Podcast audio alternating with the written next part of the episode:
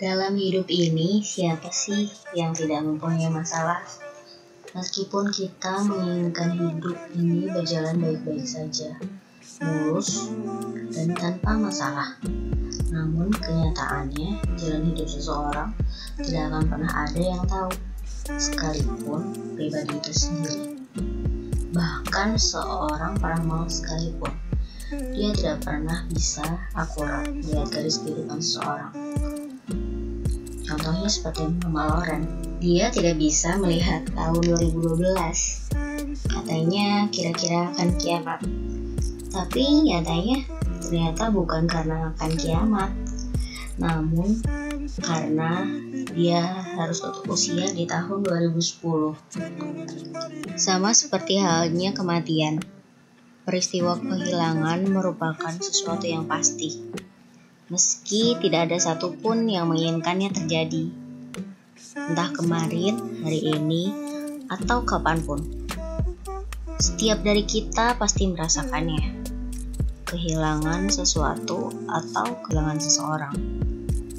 Tapi, siapa yang dapat menghindar?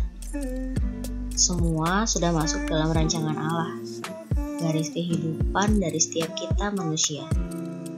Allah tidak menciptakan segala sesuatu tanpa alasan. Tidak pula menjadikan setiap peristiwa secara kebetulan. Jika kamu belum mengerti akan apa yang akan terjadi sekarang, kelak kamu akan mengerti mengapa Allah menjadikannya semua begini adanya. Terkadang kita sebagai manusia sering lupa. Lupa jika hidup itu tidak selalu bisa sesuai dengan apa yang kita inginkan. Hmm, ya kalau semua ini sesuai dengan apa yang kita mau sih, namanya kita sutradaranya, bukan Tuhan.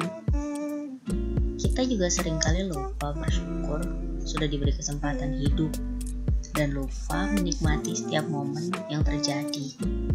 Dan tidak jarang hanya terlewat begitu saja.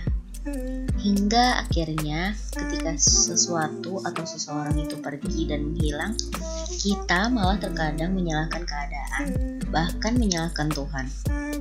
Gak jarang juga sih sambil nangis. Menginginkan semua itu kembali bersama kita lagi.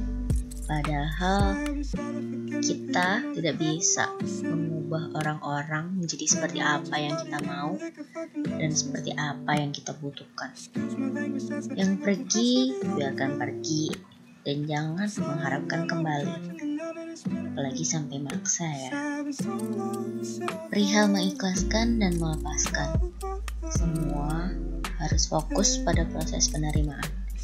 Sebuah seni mengikhlaskan butuh proses dan perjuangan. Terkadang juga penuh pengorbanan. Tak jarang perasaan yang harus dikorbankan. Sejauh mana kamu bisa menerima, di titik itulah kamu bisa mulai mengikhlaskan.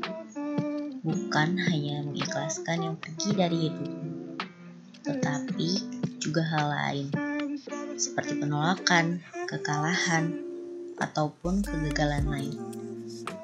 Kamu tidak bisa memaksa pada Tuhan untuk menuruti apa keinginanmu, karena memang bukan kamu Tuhannya. Sulit memang, tapi bukan berarti kamu tidak bisa untuk mengikhlaskan apa yang sudah pergi dan atau diambil dari dirimu. Tuhan itu bikin skenario untuk kamu sebelum kamu dikandung sama emakmu. Tuhan punya master plan dalam setiap tahap kehidupanmu.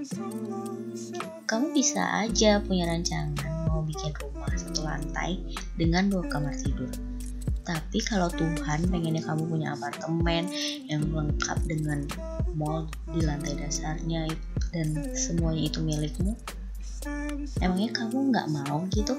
Cara Tuhan itu pasti ajaib karena dia selalu punya rancangan yang indah untuk setiap masing-masing dari kita.